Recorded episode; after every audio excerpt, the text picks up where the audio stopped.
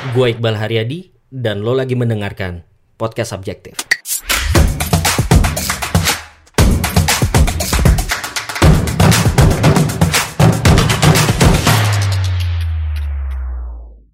Episode ini merupakan bagian dari rekaman webinar Personal Branding for Early Career Professionals di Sabtu 17 April 2021.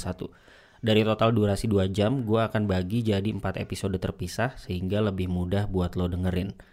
1. Perubahan tren dunia kerja dan kenapa personal branding penting yang dibawakan oleh gue. Kedua, membangun image profesional lewat LinkedIn yang dibawakan Fadel Muhammad, Product Manager Flip.id. Ketiga, membangun personal brand di Instagram dan TikTok yang dibawakan Alia Nur, founder Career Class dan praktisi HR. Dan keempat, Q&A session tentang personal branding bersama para peserta.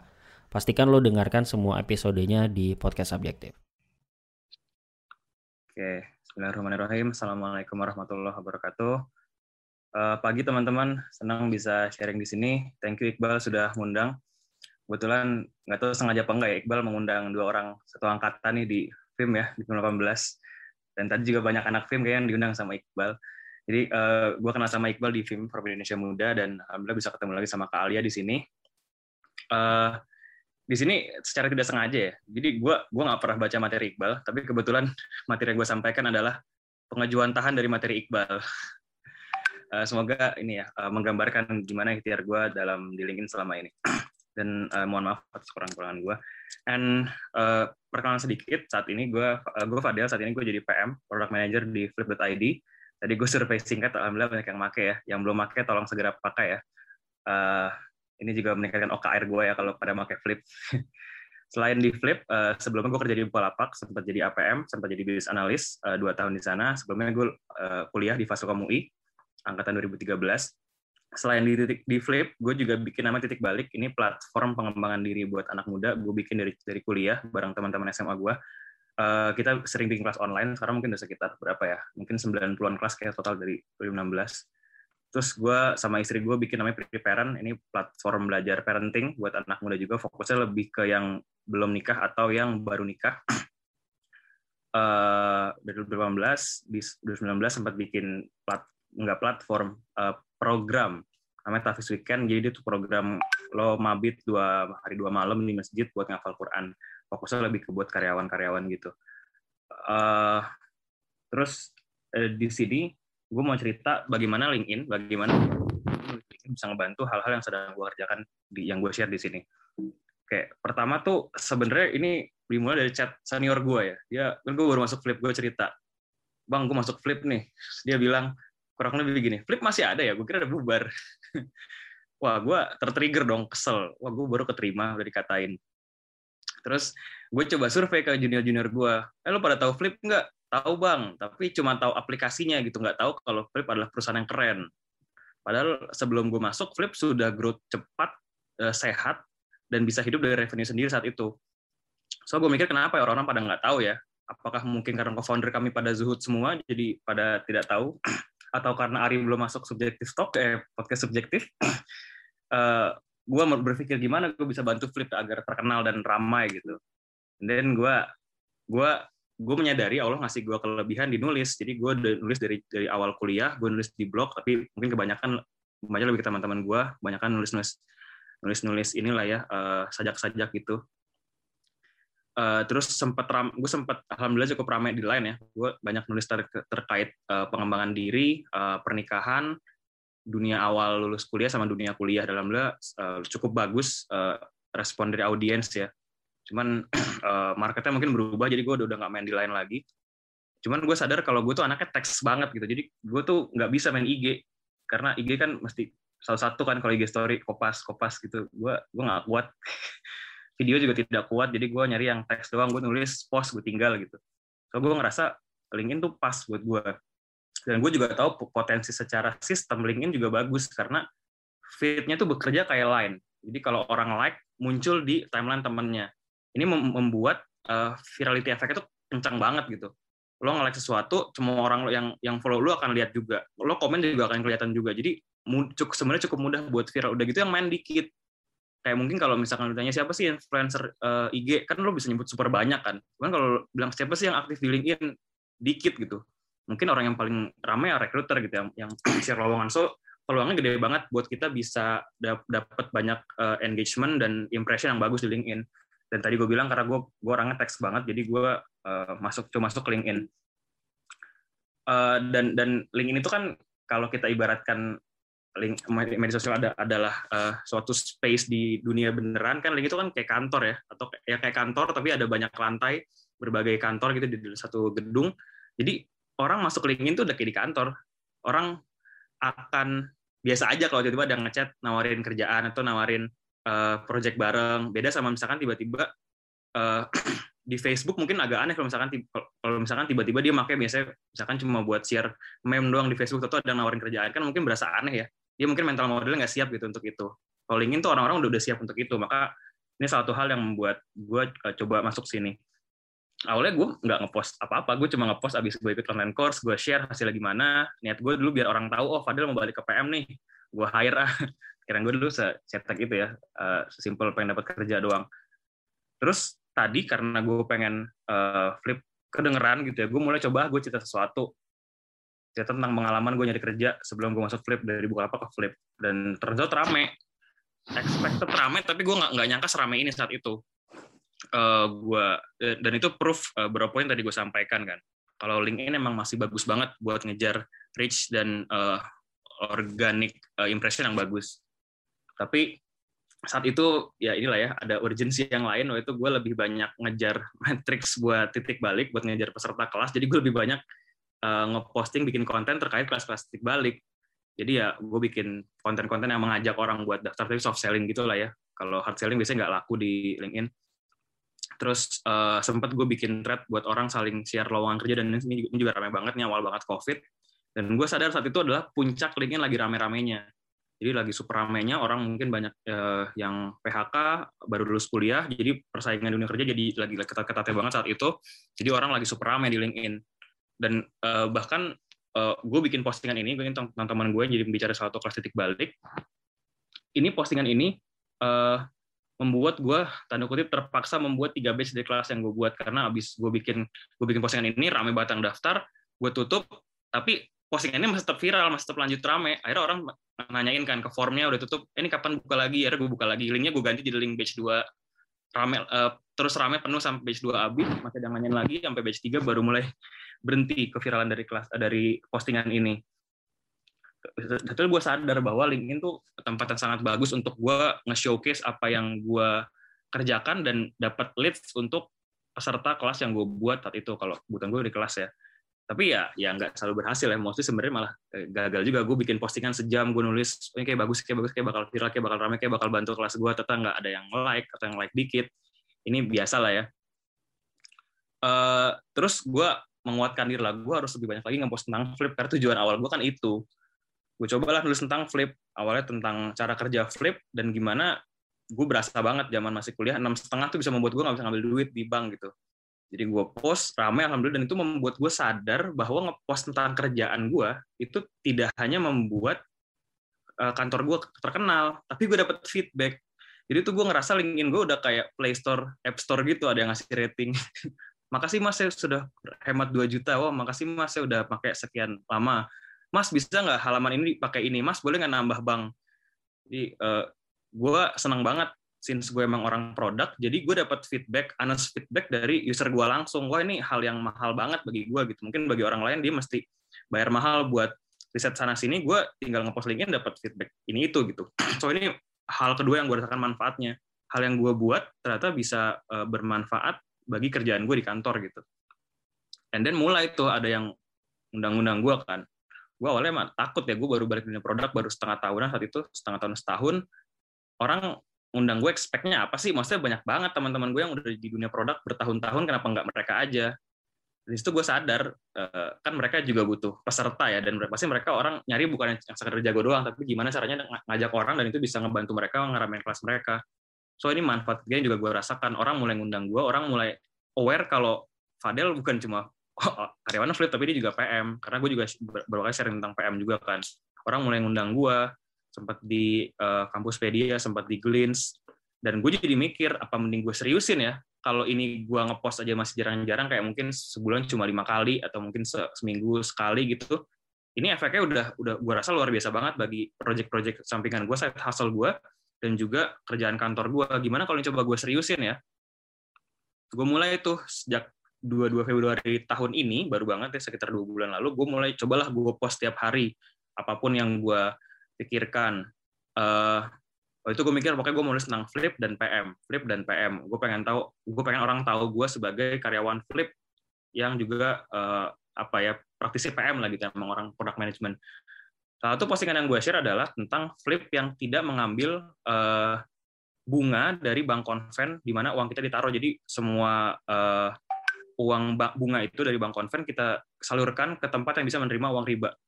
Dan itu surprisingly ramai banget. Gue awalnya mikir hal-hal kayak gini nggak akan ramai kan. Emang orang yang concern serius di LinkedIn banyak gue lu nggak tahu kan. Ternyata segitu banyaknya dan dan banyak yang kontak gue nanya-nanya tentang gimana kesyariahan di Flip gimana Flip uh, handle syariah compliance-nya dan segala macam dan gue sadar bahwa ternyata hal yang gue suka dari selama ini nulis dan apa ya bersuara tentang topik keislaman juga bisa masuk LinkedIn. Ini yang gue nggak tahu sebelumnya. Eh btw gue juga ini ya gue dulu seriusnya sampai gue bikin backlog gitu di Trello hal-hal yang mau gue tulisin karena kayaknya takutnya ya idenya takutnya nggak nggak catat gitu kan. Jadi gue bikin backlog gitu ini yang udah di, yang udah publis segala macam. Kadang-kadang skip kadang gue tiduran kadang gue tiduran bangun jam 12 oh ya belum ngepost ayo ngepost apa kek? Kadang-kadang gue capek era nggak kuat tapi ya gue usahakan daily gitu mungkin skip sehari dua hari gue dapat manfaat tadi ya dapat makin banyak lagi tentang flip. Gue tahu yang mereka sebenarnya mau apa apa yang bikin mereka nggak nyaman di flip. And then ini yang mungkin mengagetkan gue ya. Gue tahu lihat gue awalnya emang uh, biar flip terkenal gitu. Tapi gue nggak nyangka sampai orang daftar flip daftar karyawan flip ya apply as uh, talent di flip tuh lewat tulisan gue orang mulai ada yang bilang bahkan beberapa teman gue di kantor Del tadi gue interview orang katanya dia tahu flip dari lu uh, ada juga yang bilang teman gue Del gue tahu flip dari lama sebenarnya cuman gue taunya satu dari lowongan dari tulisan lu sama dari tulisan teman gue di, di LinkedIn juga. Ada juga bahkan nanya tentang flip dia cerita sebenarnya gue dapet offer de, uh, mas di flip dia mau nanya dulu soalnya kemarin lupa nanya pas interview. Emang tahu dari mana mas tentang flip ya mas awalnya saya tertarik juga dari postingan mas. Terus gue oh, tersentuh gitu kan wah ternyata gue bisa membantu kantor gue dan sebenarnya dia kan ngebantu gue ya. Uh, orang yang dicari-cari flip nggak dapat dapat terus dapat lewat tulisan gue kan dia masuk akan mempermudah flow development produk gue dan sebenarnya mudah bukan kerjaan gue juga. Jadi uh, orang ada nanya Del emang Flip nyuruh lo ngepost LinkedIn? Sebenarnya enggak. Tapi gue sadar ini kebutuhan gue juga as uh, talent di Flip gitu. Gue butuh orang lagi gue gue butuh PM tambahan gue butuh engineer tambahan gue butuh DevOps tambahan. Dengan gue ngepost harapannya banyak talent talent yang culture fit dengan cerita-cerita yang yang tadi yang terkait culture fit gimana dan uh, jadi masuk dan membantu kerjaan gue juga. Gue mikirnya ke sana. Uh, ini hal yang dulu gue gue targetkan cuman gue ternyata seterharu itu pas, pas kejadian ternyata seber, bisa bermanfaat bagi kantor sampai segininya ya. Dan tadi yang gue bilang gue juga sadar bahwa ada topik yang gue juga suka dan ternyata masuk di audiens gue di LinkedIn yaitu terkait topik keislaman. Harus sejak itu gue cukup rutin gue dulu bikin countdown gitu tiap Jumat Hamin 31 Ramadan, Hamin 24, dan seterusnya, dan Alhamdulillah rame. Dan gue makin sadar kalau ini sebenarnya topik yang banyak orang di LinkedIn butuh, cuma mungkin gak ada yang menyuarakan, karena mungkin kayak, kayak gue juga ragu gitu, sebenarnya ada yang mau baca nggak sih sebenarnya kayak gini dibahas LinkedIn enak nggak sih, dan seterusnya sebenarnya dipikir-pikir sama aja kan sama kayak di di kantor-kantor juga ada lembaga kerohanian, ada yang kajian, sama aja LinkedIn juga boleh aja dong kalau kayak gini. Tapi topik gue memang kebanyakan terkait muslim profesional, jadi masih cukup masuk gitu. And then uh, itu pengalaman gue ya, manfaat yang gue dapat, eksperimen gue yang menghasilkan uh, ide-ide baru, menghasilkan topik baru yang bisa gue bahas. Dan kalau orang nanya gimana biar viral, kalau kalau buat viral mah gampang sebenarnya. Kalau buat viral di LinkedIn lo lo cukup tanda kutip ya. Uh, puja-pujalah job seeker terus kata-ngatain HR biasanya orang kan. HR mana nih kok ghosting ghosting karyawan? Loh biasanya itu ramai itu bang. Yang like lima ribu gitu. Uh, kalau mau kalau mau ramai dong mah gampang. Tapi kalau sering nggak sih kayak gini misalkan ada orang bikin ada, ada tulisan viral gitu terus lo ketemu orang ngobrol-ngobrol-ngobrol eh tau nggak tulisan ini? Nah, itu kan gue nulis. Itu lu. Itu gue juga pernah kayak gitu kan. Gue ngeliat sesuatu berapa lama kemudian gue lihat tulisan itu tulisan teman gue. Gue nggak sadar pas itu teman gue sendiri. Kalau cuma sekedar viral orang tuh cuma tahu konten lo doang. Kita nulis tentang uh, job seeker harus semangat. Orang ingetnya tentang tulisan itu bukan tentang lo nya. Kalau cuma sekali viral tidak akan membuat lo terkenal juga ke depannya gitu. Dia akan membuat itu belum membentuk personal branding lo viral kan ini ya sebenarnya tentang lo tahu audiens lo siapa lo bikin konten yang sesuai dan waktu yang sesuai dan keberuntungan gitu bener-bener pas di semua variabel tadi. Dan kalau cuma sekali viral sebenarnya nggak membantu membantu lo amat gitu. Uh, and then gue ini ini ini ya mengingat banget banget gue tiba-tiba lagi buka LinkedIn lihat ada postingan Gary V. Dia bilang uh, don't chase uh, don't chase like in LinkedIn but start making content if you want to be known for. Jadi uh, personal branding kan bukan tentang viral ya. Kalau tadi gue bilang kalau mau viral mah gampang lo bikin postingan aja yang emosional yang bikin orang uh, terharu semangat segala macam. Cuman kalau misalkan nggak genuine nggak menunjukkan siapa lu ya nggak jadi personal branding juga cuma sekedar viral aja. Lo kayak lo kayak IG-IG yang sering ramai viral apa mem kocak mem kocak Indo dan lain-lain kayak gitu-gitu kan tidak membuat si foundernya terkenal karena ya itu yang terkenal kan si memnya kan. Sama kayak gitu kalau fokusnya ke viral lo akan nggak membentuk personal branding lo ini ada ada pesan bagus ya dari orang yang gue temukan juga di LinkedIn. Kadang kita ngelihat wah kok Radit bisa Radit Dika bisa ramai di semua platform ya IG YouTube Twitter dan lain-lain. Gue juga ah gue mau bikin. Abis gue bikin konten serius di LinkedIn gue jadiin bahasa santai di Facebook gue bikin jadi uh, carousel yang bagus di IG gue bikin jadi IG story yang interaktif gue jadiin video YouTube dan TikTok. Pusing gitu kalau kayak gitu. Pers di sini ada satu poin yang uh, penting banget tentang personal branding that personal branding is not about omnipresent omnipresent itu adalah lo muncul di semua tempat semua platform kalau kayak gitu ya capek uh, ya gue kerja di flip punya anak istri punya orang tua yang diurus segala macam. Waktu gue nggak cukup buat ngurusin semua. Kalau kayak Gary V, kayak Radit, kayak siapa kan dia punya punya manajemen tim gitu ya yang ngurusin ya. So jangan jangan fokus ngejar semua, pengen aktif semua. Gue pernah nyobain, ah gue udah rame dengan bagus, eh di lain bagus nih, gue coba ah gue screenshot, gue taruh di IG story. yang nggak bagus-bagus amat juga karena kan gue nggak membuat kontennya masuk untuk IG kan. So gue mikir emang gue anak teks banget, gue nggak usah maksain di IG. Istri gue lebih pas di IG, bikin ilustrasi segala macam di akunnya dan dia nyaman itu dan dulu kami juga aktif di lain bareng-bareng tapi ya gue gak bisa maksain di LinkedIn di LinkedIn dan gue dan gak bisa maksain gue banget di IG juga karena kita emang cocok-cocokan gitu sama platform kayak ginian. Gue juga dulu bilang di LinkedIn kalau mas uh, aktif di mana pun di sosmed ya di, di LinkedIn terutama pas gue tulis tentang lo tahu tujuan lo apa lo jangan nulis just because you want to write gitu. Just for the sake of writing. Uh, karena ya lo ntar cuma ikut-ikutan doang lo nggak tahu sebenarnya nulis buat apa. And lo, lo lo jangan push yourself untuk aktif di semua sosmed. Lo temuin what's your cup of tea mana yang paling pas buat lo. Kalau misalnya udah ada satu atau dua yang cocok terusin konsisten dan akhirnya uh, lancar mungkin lo bisa mulai uh, masuk ke platform lain. Tapi ya tetap jangan dipaksain. Lo tentunya uh, what your cup of tea in social media platform. And kalau gue rekap ya hal hal-hal tadi gue ini sebenarnya mirip cycle-nya lain startup ya build measure learn dalam bikin konten dan aktif dan build personal branding di sosial media, koneksi LinkedIn, uh, pertama lo mesti define, lo sebenarnya mau apa? Lo mau dagangan lo laku, lo pengen punya kelas online kayak gue yang daftar banyak, lo pengen punya kantor, kantor lo jadi terkenal sebagai kantor yang enak, atau kantor yang syariah comply, atau lo pengen uh, kantor lo yang daftar banyak, atau lo pengen lo dikenal sebagai PM, lo di undang-undang, lo mesti define itu kan gue define awal kan gue pengen uh, flip terkenal habis itu gue gue punya tujuan lain gue pengen flip juga di uh, orang pada daftar flip gue pengen orang pada daftar kelas gue jadi banyak sih cuman gue gue punya definisi yang jelas apa yang mau gue kejar di LinkedIn. Uh, apa yang orang pengen tahu tentang gue gue nge-build orang tahu Fadel Fadel tuh karyawan flip dia PM dia orang produk dan dia dia punya concern ke syariah uh, gitu. Dan tadi ya kalau masalah like viral segala macam gue ada kenalan pengenalan. Ada orang di LinkedIn lah yang gue uh, cukup admire ya. Dia senior semacam senior researcher syariah di CIMB uh, dia sering beliau sering nulis tentang uh, syariah compliance tentang akad-akad dalam bank dan segala macam dan gue banyak belajar dari beliau. Yang like paling cuma puluhan seratus segala macam nggak terlalu rame nggak terlalu viral. Cuman tiap gue dia dia muncul di di timeline gue pasti gue baca pasti gue mungkin biasanya gue like gue komen dan gue pelajarin. Atau misalkan ada uh, orang yang gue admire juga uh, karyawan Google software engineer dia banyak nulis tentang software engineering dan gimana seorang muslim jadi profesional di kantor yang mungkin kantor yang diverse gitu.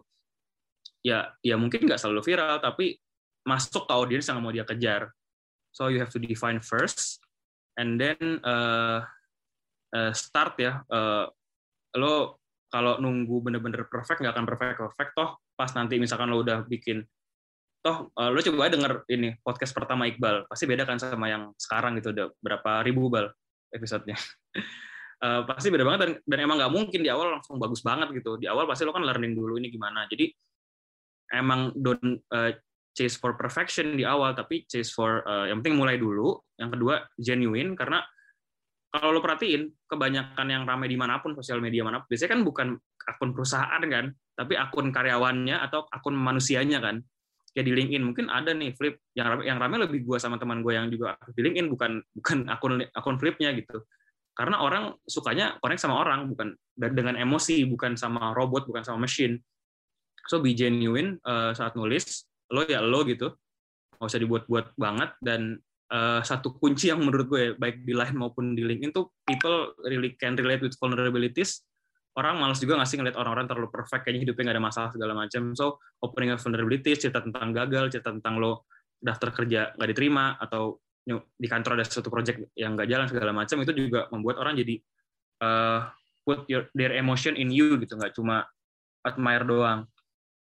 Dan di mana pun sosmednya pasti kuncinya kan konsisten ya. Kenapa konsisten? Karena makin lo konsisten lo makin sering muncul.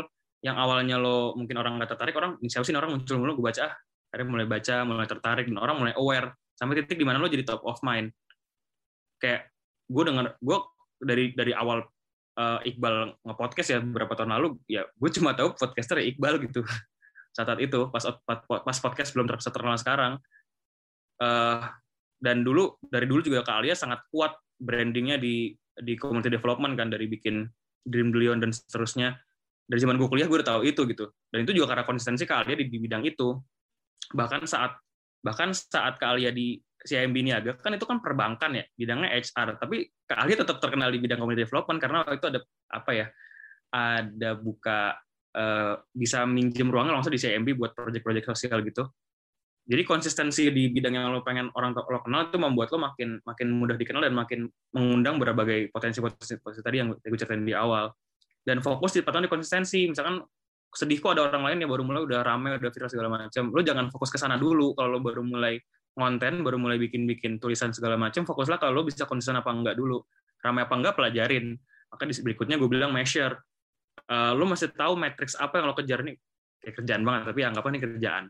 Uh, lo mau ngejar apa? Lo mau ngejar like banyak reach-nya banyak leads-nya banyak sales-nya banyak atau apa? Lo pengen lo nggak apa dah gue nggak rame yang like nggak banyak tapi yang penting yang ikut kelasnya banyak. Gue nggak apa lah yang ikut uh, yang like dikit, yang lihat dikit, tapi, yang penting dapat bagi yang bagus buat yang daftar karyawan kantor gue dan seterusnya. Lo nentuin apa matriksnya dan ngetracknya gimana.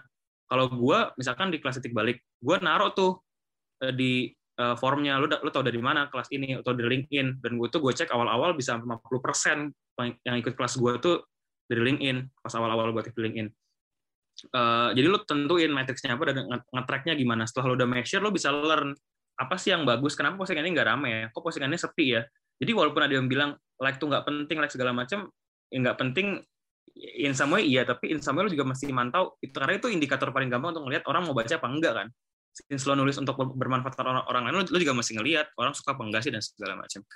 Uh, apakah kebanyakan poinnya, apakah uh, yang bagus itu sebenarnya kayak gimana sih? Gimana gue bisa replicate ini untuk ke depannya dan makin lo konsisten, makin lo sering nulis sehari sekali atau sehari dua kali dan seterusnya, lo makin mudah untuk learn-nya gitu. Karena kalau makin jarang kan makin sedikit learn yang lo dapat. Dan terakhir ini networking tips di LinkedIn lo jangan hard selling. Hampir semua postingan gue nggak nggak laku yang hard selling. Hampir semua chat orang yang langsung nawarin, halo mau ikut kelas ini nggak, halo mau ini nggak, tanpa apa ya, tan tanpa ada value yang gue lihat, cuma langsung nawarin doang, bisa langsung gue skip.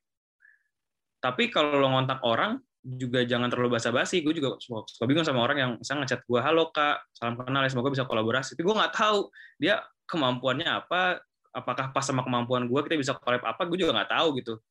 Jadi ya kalau cuma nyapa doang basa-basi ya sama, sama aja sama dia cuma ngasih uh, ngirim connection request. So mendingan forward gue bisa ngebalasin chat orang-orang yang langsung forward. Bang kenalin gue ini gue lagi jadi APM di sini. Gue bingung deh bang kalau jadi APM tuh gini nggak sih? Uh, mas gue jadi product operation di sini gue pengen jadi orang product manager. Gimana caranya ya? Bisa nggak sih gue ke sana? Seterusnya. Atau nanya langsung tentang flip. Jadi lebih straightforward.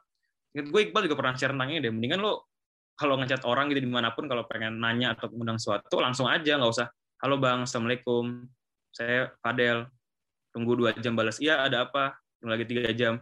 Mas uh, ini nih mas gini tunggu lagi tiga jam. Dan selesai kenapa nggak langsung dari awal halo mas gue Fadel dari titik balik mengundang lo sebagai pembicara bisa nggak tanggal segini segini segini? Kurang lebih kayak gini kalau tertarik kita bisa ngobrol lebih lanjut nih gitu. Jadi ya ini ini emang agak abu-abu sih antara hard selling sama straightforward dan yang terakhir uh, lo harus ngejual sesuatu bukan begging. Menurut gue salah satu kesalahan orang dealingnya adalah mungkin juga ya gue juga maklumi sih karena mungkin lagi stres cari kerja ya.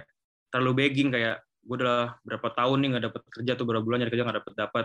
It's okay to share that tapi kalau misalkan akhirnya malah jadi mengeluh atau tanda kutip mengemis yang lo undang untuk nge-like ya adalah orang-orang yang sama kayak lu gitu yang sama-sama nyari kerja tidak mengundang orang yang pengen nge-hire lu atau pengen ngasih lo kesempatan. Karena kan orang yang orang lihat segi gue kesian ya. Misalkan sama orang kesian orang nggak dapet kerja. Tapi kan kita nge-hire orang tetap harus objektif kan karena ya cost rekrutmen tuh mahal dan, segala macam so sell don't beg segimanapun lo ngerasa lo lo orang paling malang di dunia ini orang akan tetap objektif dalam ngasih lo kerjaan atau ngasih lo kesempatan. Dan terakhir, uh, segimanapun lo berusaha konsisten, betapa banyak orang yang konsisten tapi nggak berhasil, banyak orang yang viral tapi nggak dapat apa yang diinginkan, mau viral biar dapat kerja tapi nggak dapat kerja, banyak orang yang udah nyoba tapi tetap gagal, banyak orang yang awalnya kelihatan berhasil tapi kandas juga. And uh, gue ingat kisah ini Nabi Sulaiman saat beliau di, dikasih singgasana Ratu Balkis di depannya langsung, beliau bilang bukan beliau menyangka beliau orang hebat, tapi beliau bilang hada min fadli rabbi dia beluani ashkur am akfur. Ini termasuk karena Tuhanku untuk mengujiku apakah aku bersyukur atau mengingkarinya. Kita sadar bahwa apa pun yang kita lakukan, kita usahakan dapat hasil yang bagus di mana pun personal branding kita itu pada akhirnya adalah gimana Allah menggerakkan hati orang yang like postingan kita, ikut ikut kelas kita, daftar kerjaan kita dan seterusnya, bukan semata-mata kehebatan kita. Itu thank you teman-teman. Let's connect di berbagai uh, platform yang gue buat. Semoga bisa bermanfaat. Ini ada preparean titik balik kalau bisa mau juga bisa gue udah kelas online terkait pernikahan mungkin mau ikut bisa cek di IG kami. Thank you teman-teman semoga bermanfaat semoga bisa menemukan cup of masing-masing. Wassalamualaikum warahmatullahi wabarakatuh. Waalaikumsalam warahmatullahi wabarakatuh. Thank you Del. Mantap nih ada beberapa poin-poin menarik sih yang sebelum gue lempar ke Alia ya. Pertama emang mungkin LinkedIn itu uh, eh, gue karena udah lama nggak aktif ya, tapi kayaknya asumsi gue saat ini pun LinkedIn organic reach-nya masih tinggi ya. Jadi ya, masih kalau tadi ya.